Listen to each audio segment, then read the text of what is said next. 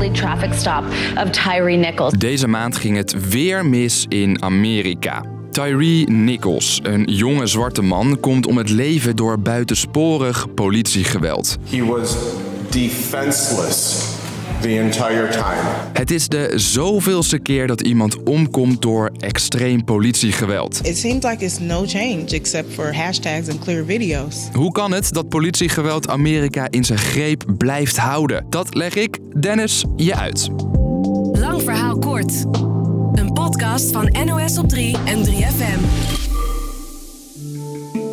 Het is 7 januari. De politie zet Tyree Nichols met zijn auto aan de kant omdat ze vinden dat hij roekeloos rijdt.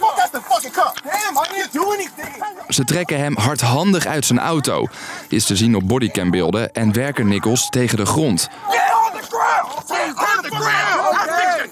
Maar agenten vinden dat hij niet genoeg meewerkt en dreigen met een taser. Na een tijdje komt Nichols los en rent hij weg. Maar de agenten halen hem in. Ze slaan en schoppen hem terwijl Nichols op de grond ligt. Hij vraagt ze te stoppen en schreeuwt om zijn moeder.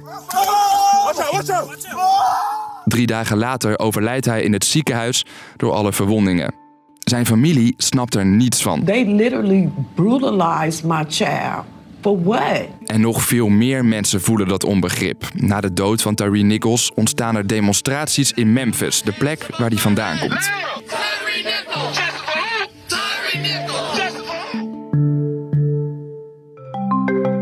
Het is niet de eerste keer dat Amerikanen demonstreren tegen buitensporig politiegeweld. Denk aan Breonna Taylor, Walter Scott, Trayvon Martin. Hun dood zorgt voor veel woede. Zo ook George Floyd. Hij komt in 2020 om het leven nadat een agent minutenlang een knie op zijn nek drukte. Dat zorgt voor een golf van protesten door de Verenigde Staten en in andere landen. When I say black lives, you say matter. Black lives. Black lives. Al die woede heeft effect. Drie politiemannen moeten jarenlang de cel in voor Floyds dood.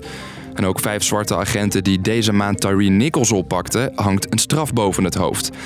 Toch is er wel een verschil, zegt Amerika-correspondent Marieke de Vries. Die, die agenten die, die zijn onmiddellijk ontslagen, eh, worden nu strafrechtelijk vervolgd. Hè, met stevige aanklachten hebben ze aan hun broek, moord, doodslag. Nou, dat, dat helpt wel. Hè, dat was bij die Derek Chauvin, eh, die agent die George Floyd doodde, bijvoorbeeld niet het geval. De politie komt nu zelf met de beelden van de mishandeling naar buiten en grijpt direct in. Bij de dood van George Floyd was dat niet zo. Dat gevoel van onrecht, dat zorgt steeds voor die felle reacties. En ja, door dat snelle ingrijpen van de politiecommandant nu was dat nu minder. Er is dus wel iets veranderd, maar vorig jaar kwamen er bijna 1200 mensen om het leven door politiegeweld in Amerika. Dat is het dodelijkste jaar tot nu toe. Volgens de advocaat van de familie van Tyree Nichols is het een groot probleem dat verder gaat dan racisme. It doesn't matter whether the police officers are black, Hispanic, or white, that it is somehow allowed for you to trample on the constitutional rights of certain citizens. Politie in Amerika gebruikt structureel veel geweld, zegt de advocaat.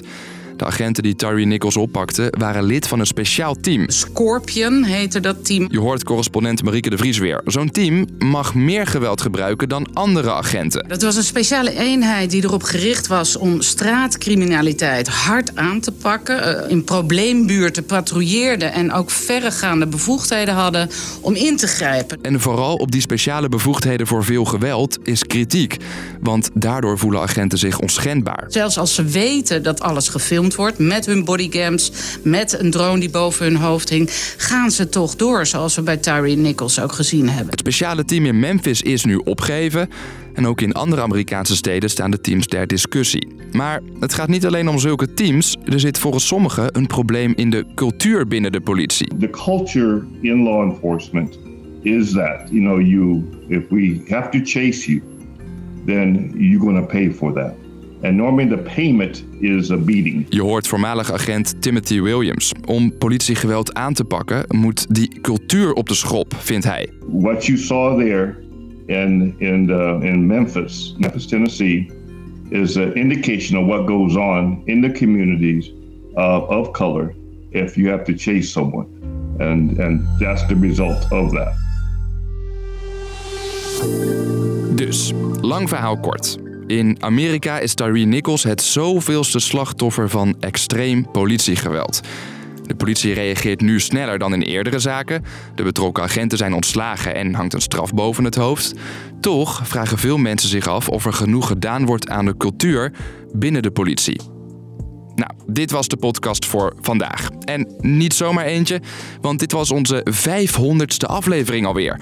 En of jij nou al honderden afleveringen met ons meeluistert of ons nog maar net hebt ontdekt, bedankt voor het luisteren. Tot de volgende. Doei!